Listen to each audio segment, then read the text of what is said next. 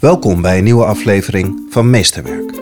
Een serie gesprekken over ontwikkelingen binnen het onderwijs. Hoe kom je daarmee in beweging en hoe kan je nou dat nieuwe creëren waarbij je echt even het onbekende kan opzoeken? Uh, we ontmoeten veel mensen die niet zoveel vertrouwen meer hebben in, in zichzelf dan wel in de ander of de organisatie als het gaat over veranderen. In dit gesprek spreek ik Roos van der Voort en Hilde Swets over hun boek Durf te doen wat onbekend is. Ja, het onbekende is gewoon een vrij vanzelfsprekende plek waar we allemaal wel een keer terechtkomen.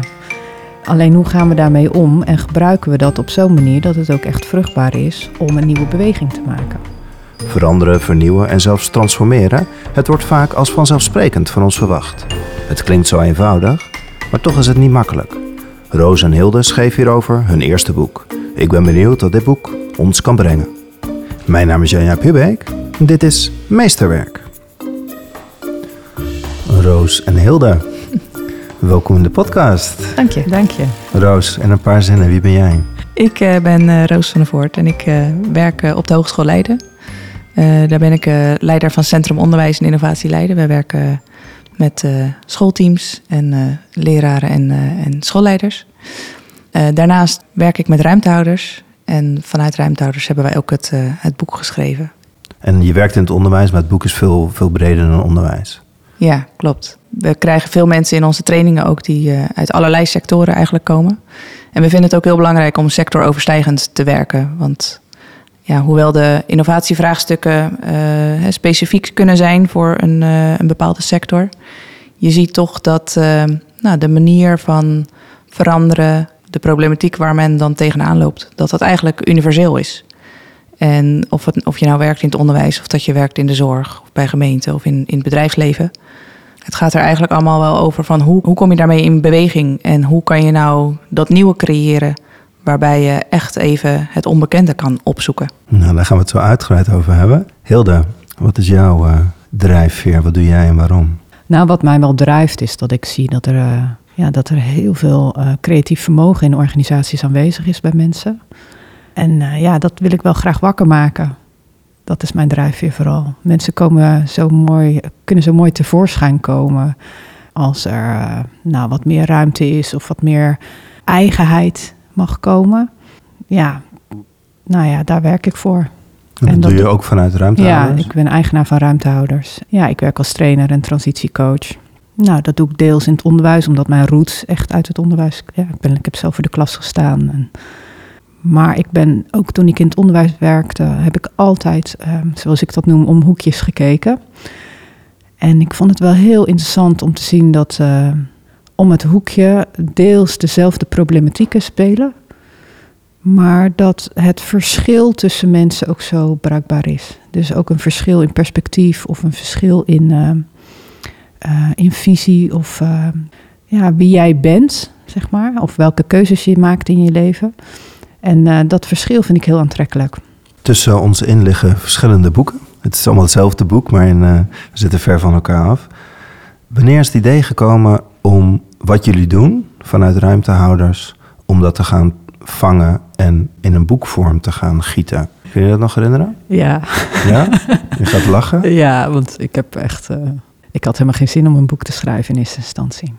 Nee, omdat ik helemaal niet zo'n schrijver ben. Maar de vraag kwam eigenlijk van mensen die bij ons de training gevolgd hebben: van goh, heb je, heb je niet iets, een naslagwerk? Ik wil het nog een keer lezen, ik wil nog een keer, ik wil nog een keer dingen horen, ik wil ervaringen horen. Dus de vraag kwam heel erg uit de groepen. Ik weet niet of jij dat herkent, maar op een gegeven moment kom je ook op een soort leeftijd dat je iets wil nalaten of zo. Ja. Speelt dat mee? Ja, voor mij wel. En, en, en mijn moeder zal zeggen van dat heeft ook te maken met dat je zelf geen kinderen hebt gekregen. Maar iets, iets iets in de wereld brengen.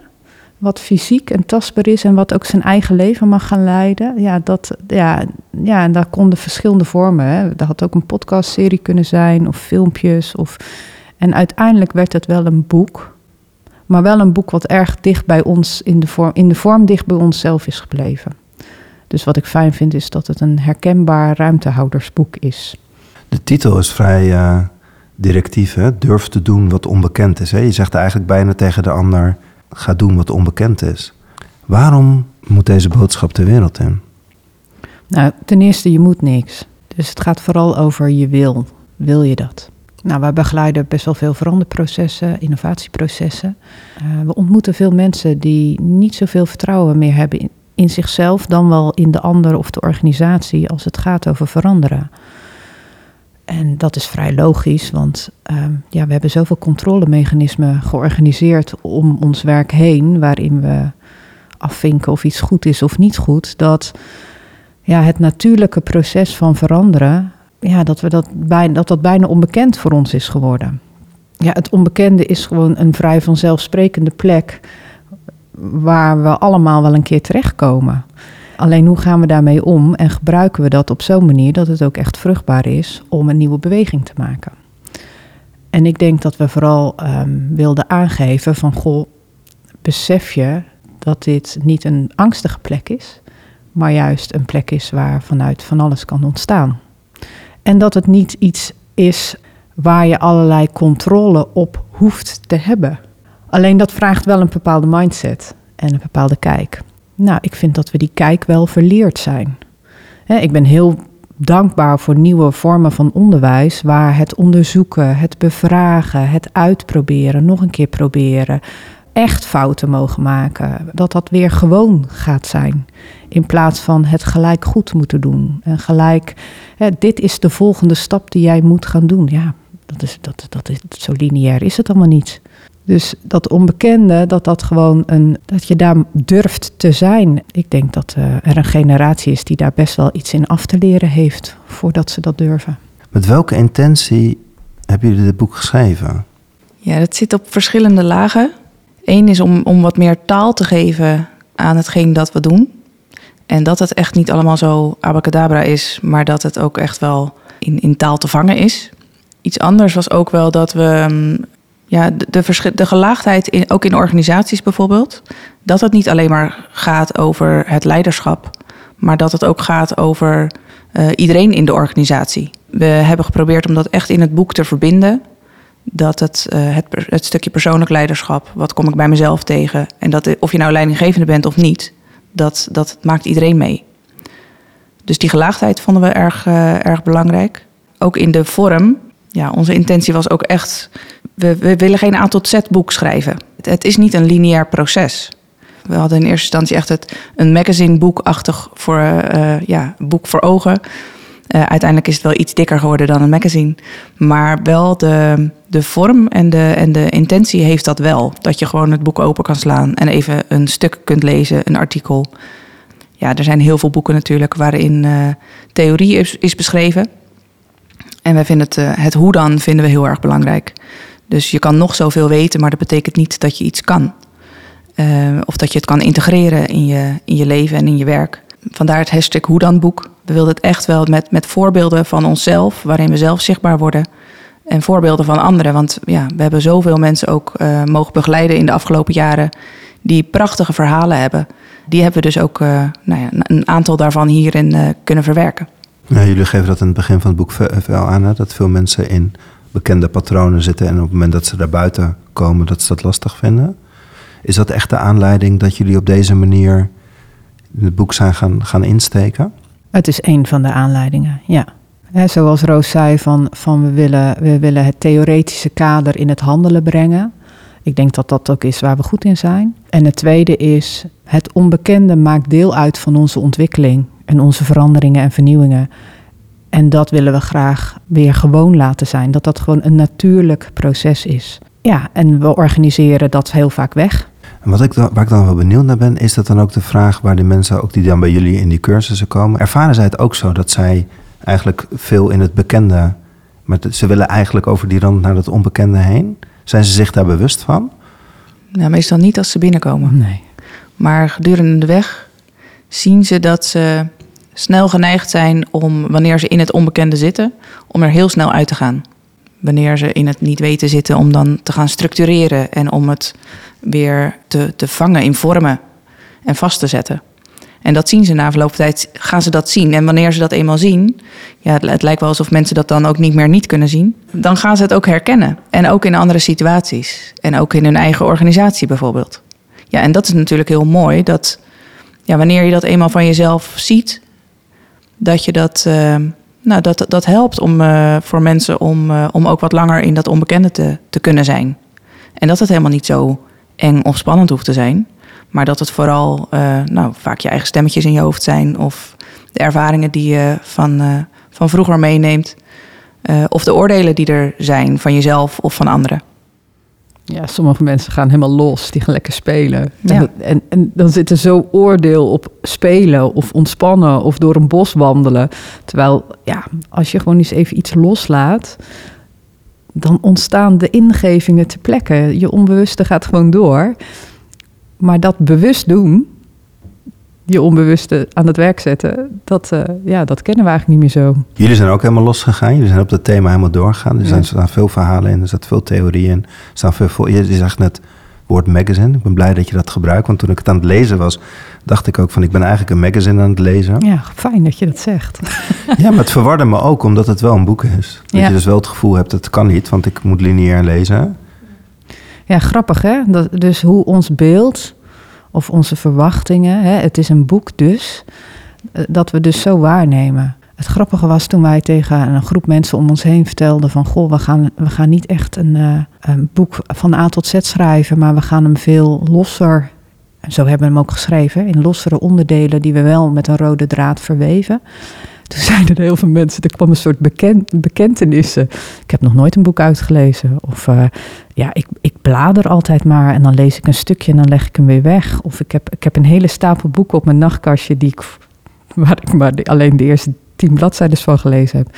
En dat was zo fijn dat we dat terugkregen.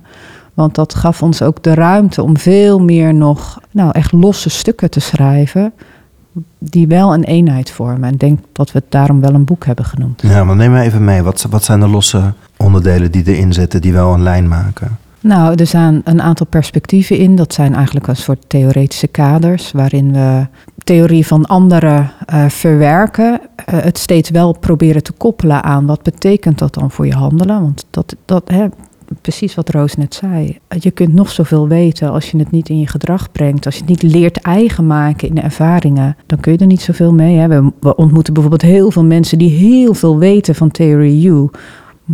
Als veranderstrategie, maar dat eigenlijk helemaal niet kunnen toepassen. Uh, dus dat hebben we geprobeerd heel helder te maken. En, en voor sommige mensen is weten ook een hele goede basis om te gaan durven doen. Hè, als ik het begrijp, dan snap ik ook waar mijn ervaring heen gaat. Dat, is een, ja, dat, dat geldt voor sommige mensen. Um, we hebben er wat blogs in zitten, we hebben er gedichten in zitten, maar we hebben ook bijvoorbeeld heel goed naar beeld gekeken.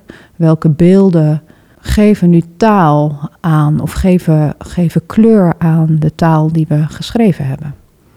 Nou, de verschillende hoofdstukken. De hoofdstukken zijn werkwoorden die je eigen kunt maken. En die je handelen versterken. Dat je optimaal dat onbekende gaat gebruiken om in verandering te komen of in vernieuwing te komen. Jullie hebben veel verhalen van mensen die een ervaring hebben. Ja.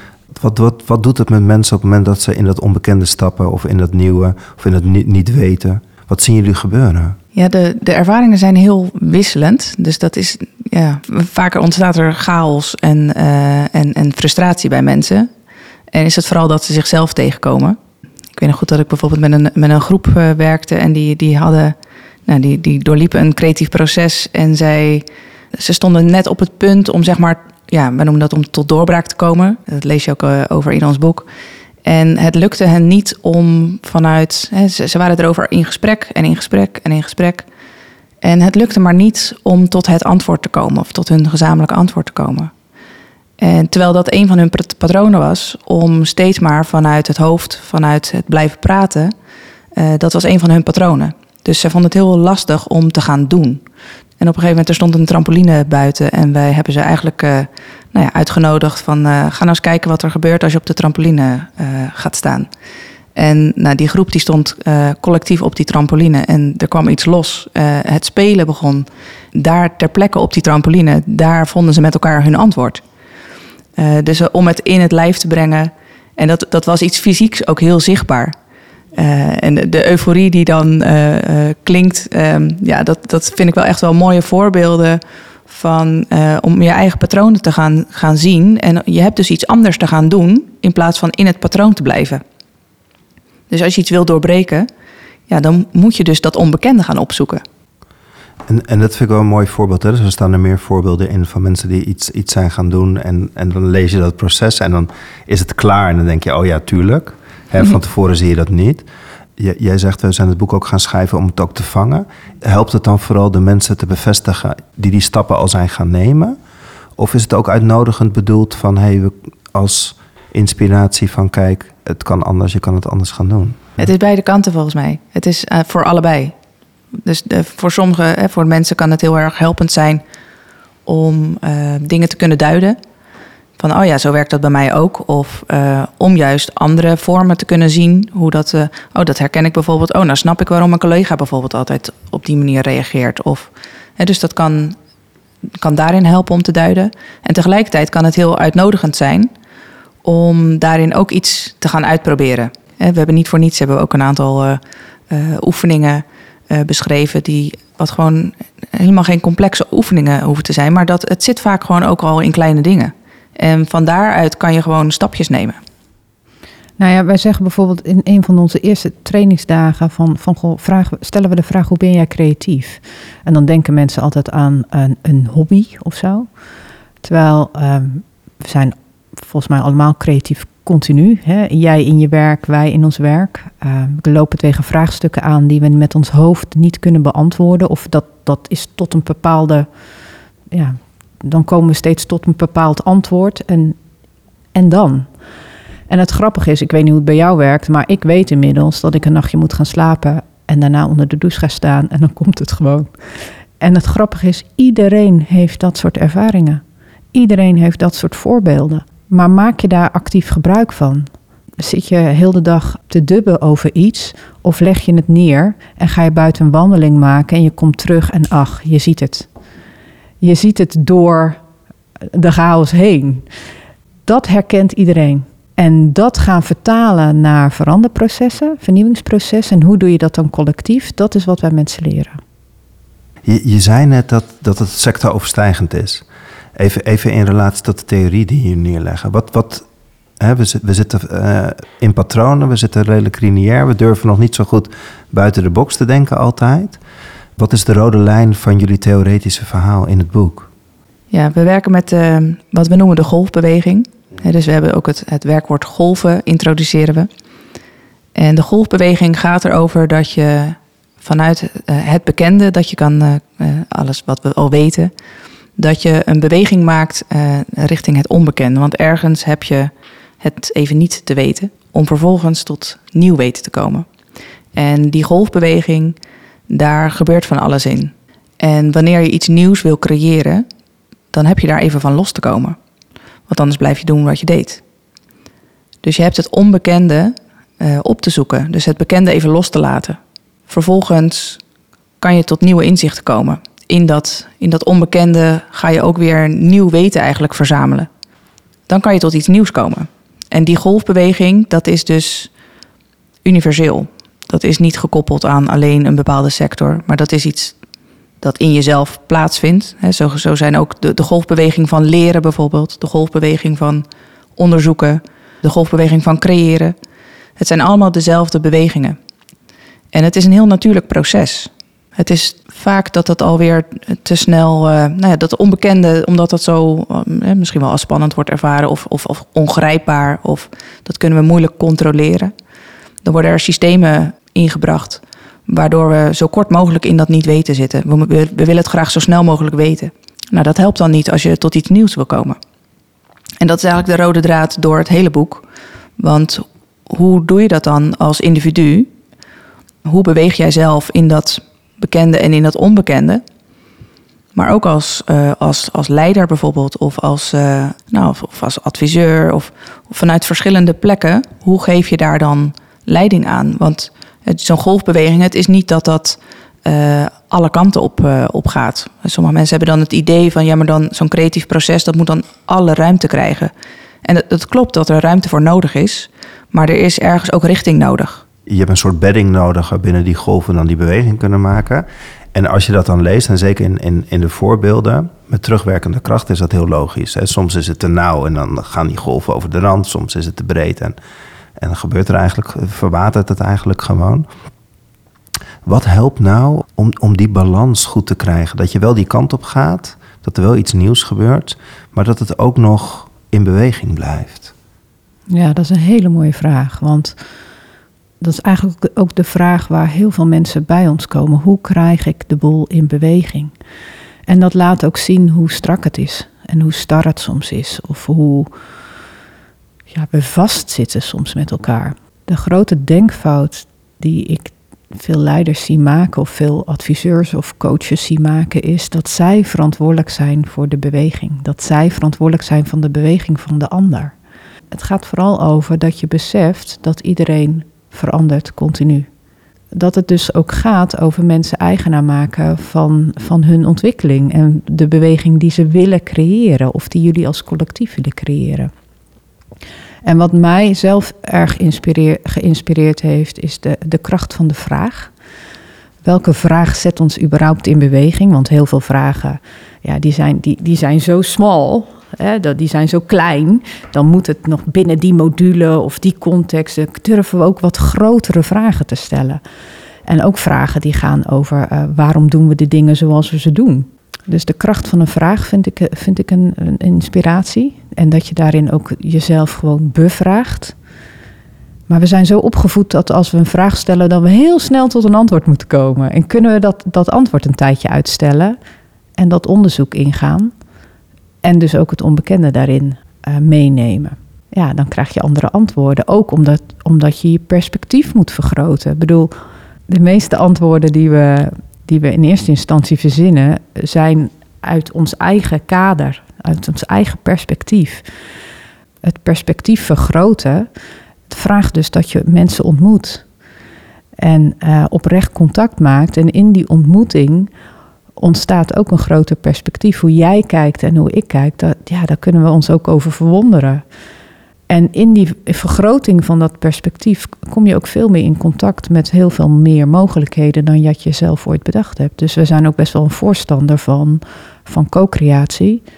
Zodat niet een klein groepje of een leider bedenkt wat goed is voor het grotere geheel. Ja, leg even uit wat co-creatie is. En jullie geven er veel aandacht aan dat het wat anders is dan gewoon samenwerken.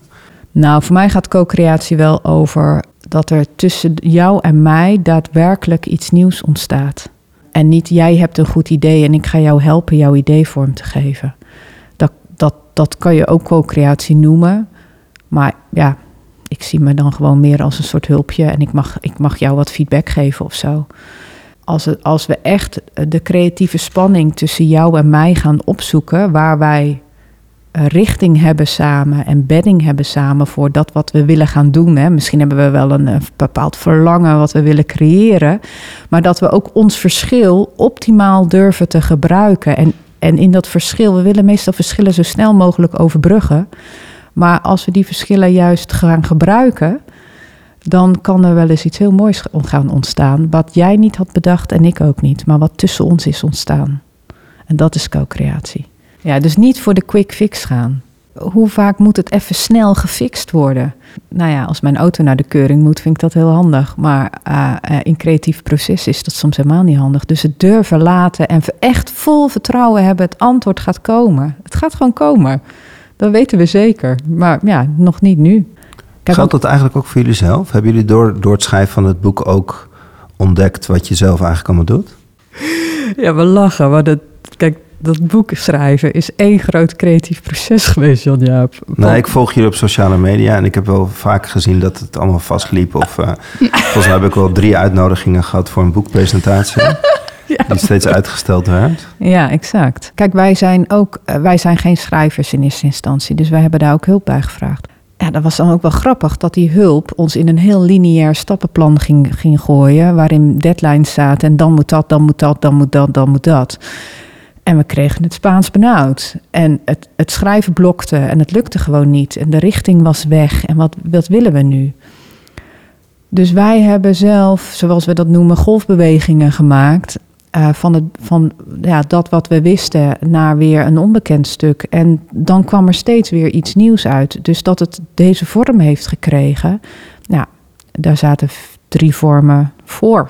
En dat ik mijn eigen uh, schrijfangst onder ogen had te zien ja, daar zaten ook wel wat patronen op, zeg maar. Dus het is ook wel, het is een heerlijk opschoonproces. Was het voor jou ook zo, Roos? Een, een zoektocht in Absoluut. voor jouzelf? Ja, waarom? Nou, het heeft ons echt wel ja, gedwongen, maar dat, dat is niet het juiste woord. Maar wel, het, het heeft ons echt wel tot onze essentie gebracht. En eh, hè, allebei individueel en vervolgens ook samen. Van wat is nou eigenlijk hetgeen wat we willen overbrengen? Waar staan we voor? Hoe kijken we daarnaar? En wat vinden we dan belangrijk om daarin ook eh, nou ja, aan het publiek zeg maar, te geven? Dus het, het heeft ons heel erg op onszelf teruggeworpen. Om daar dan ook de juiste taal in te vinden. Dat, heeft echt wel eh, dat is echt wel een, een proces geweest. Ik denk dat ik wel de beweging heb gemaakt van, eh, en, dat, is al een aantal jaren geleden, vanuit het stappenplan denkend veel meer gebruik kunnen maken van wat er verder nog is. En daarmee openstaan. En misschien zit het ook wel in een stukje permissie eigenlijk, om dat ook allemaal daarop te vertrouwen. En dat dat ook eh, gewoon is, in plaats van dat dat nou ja, bijna een soort met schaamte paard of zo, dat je dat dan tegen een collega zegt van ja, eh, zo- zo'n gevoel van als je een beslissing moet maken van ja, ik, eh, ik, ik, het is misschien wel, het, het klopt misschien op papier, maar ergens voel ik dat het nog niet helemaal, dat het, het niet is. En om daar wat meer op te vertrouwen en om daar permissie in mezelf en, en dat vervolgens te delen, dat vraagt wel dat je meer naar binnen en dat je, dat je echt wel naar jezelf te luisteren hebt en daar, wat, ja, daar ook wat meer op eh, durft te vertrouwen. De, de titel gaat echt over jullie zelf ook. Ja, Zeker. ja. Ja. Vind ik soms ook wel lastig aan in het, in het lezen. Het gaat, het gaat ook veel over jullie en, en jullie, eh, het proces wat jullie bewandelen. Dus als jullie dan op bezoek gaan, dan gaan, gaan de eerste regels over het bezoek waar je dan bent, of ook het kopje thee, of ook een deel emotie ligt er overheen. Ik vond het ook niet altijd makkelijk om dan goed in het verhaal te komen. Ik zocht ook nog wel heel erg van, hey, in hoeverre gaat het echt over jullie? Of in hoeverre gaat het ook over mij als lezer om goed in te stappen? Is dat een bewuste laag dat je die emoties veel ruimte geeft? Ja, dat denk ik wel. Wat zit daaronder? Nou, ik denk dat we heel erg geleefd worden door onze emoties. En dat we daar weinig bewustzijn op hebben. Dus onze gevoeligheid bepaalt soms ook wat we horen, denken, zien, waarnemen. En dat kan soms heel vertrouwd zijn en fijn. En soms kan dat niet, niet zo zijn. Daarnaast gaat het bij ons over ontmoeten. Hoe creëer je nou kwalitatief goede ontmoetingen? Ja, en daar zit ook gelijk een emotionele laag bij in heel veel contexten wordt emotie eh, niet als professioneel eh, eh, gezien. Terwijl we gewoon ook emotionele wezens zijn. Dus, dus durven we daar ook het over te hebben. Nou, ik vind het wel mooi dat je zegt van goh, dat doet ook iets met jou als lezer. Nou, dat zet me ook wel aan het denken. En denk, oh ja. Hè, dus sommige mensen voelen zich daar dus heel welkom in. Van goh, ik heb het gevoel dat ik ook bij dat kopje thee zit. En bij jou gebeurt dat dus niet. Is het ook een taboe? Nou, misschien bij jou niet, maar eh, in, met de mensen met wie wij werken wel. Er zit wel er is heel veel strengheid op het in één keer goed moeten doen. En ik moet weten wat de ander precies doet. Dus eh, ontzettend verantwoordelijkheidsgevoel. Zeker bij eh, mensen die andere mensen begeleiden. Dat het dan echt wel goed gaat met de ander. Dus ik weet niet of je de opmerking gelezen hebt over, over die school die op een gegeven moment, die schooldirecteur die op een gegeven moment ook durft te zeggen, ja, ieder zijn wak. Mag, mogen mensen ook gewoon eens even ja, door het ijs zakken. En de kracht die je in je lijf voelt als je er weer uit kan komen. Ja, dat, dat is ontzettend eh, empowerend, zeg maar. Nou, dat je dat gaat beseffen als, als leider of als begeleider in processen. Dat, ja, dat mensen soms ook dat even te doorstaan hebben. En dat ze dus alle kracht in zich hebben om daaruit te komen. Sterker nog, beter uit te komen dan toen ze erin gingen. Ja, daar gaat het over. En daar komen emoties bij vrij, zeker. Ik denk ook dat er in, in veel teams die bijvoorbeeld tijdelijk worden samengesteld, hè, een, een- projectteam waarbij je een, een aantal mensen bij elkaar worden samengevoegd, eigenlijk van jullie gaan dit project doen. Eh, dan wordt er heel snel naar de, naar de inhoud gekeken en, en taakverdeling. En, eh, terwijl er eigenlijk geen eens tijd wordt genomen om elkaar te leren kennen. En ja, wie ben jij en wie ben ik? Wat zijn onze overeenkomsten, maar wat zijn ook, waar zijn we verschillend? En wanneer daar meer aandacht voor is, wanneer daar wat meer tijd voor wordt genomen, dan, dan heb je daar enorm veel effect van verderop in het proces. En je ziet dus dat wanneer dat eigenlijk niet wordt gedaan, wanneer er heel snel naar de, naar de taken wordt gekeken en eigenlijk al die emotionele dingen of de, of de meer persoonlijke kant eigenlijk uh, wordt buitengesloten, dan zie je dat het ergens gedurende het proces, ergens gaat dat komen. Dat dat, dat dat frictie gaat geven of dat, waardoor je het kwaliteit van contact echt mist. Laatst was ik was ik bij een lezing en die, en die persoon die zei van ja, ontmoeten gaat over sporen nalaten bij elkaar. Dat vond ik zo'n mooie uitdrukking. Zo van dat een ontmoeting dus ook vraagt uh, zichtbaar te zijn, maar je ook te laten raken. Ja, als je dat gaat creëren, dan, dan ontstaat er ook in de relatie veel meer vertrouwen. En het leuke is met schoolteams, als je met, met leraren werkt of leerkrachten werkt of IB'ers, als ze het over de relatie met de kinderen hebben, dan staan ze daar allemaal voor. Dan, dan is het niets liever dan dat kind leren zien en daarna kijken, zien wat de eigenheid is van een kind en dat naar boven willen brengen. Dus in heel veel onderwijsvisies zien we dat terugkomen, dat dat kind centraal, echt centraal te zetten.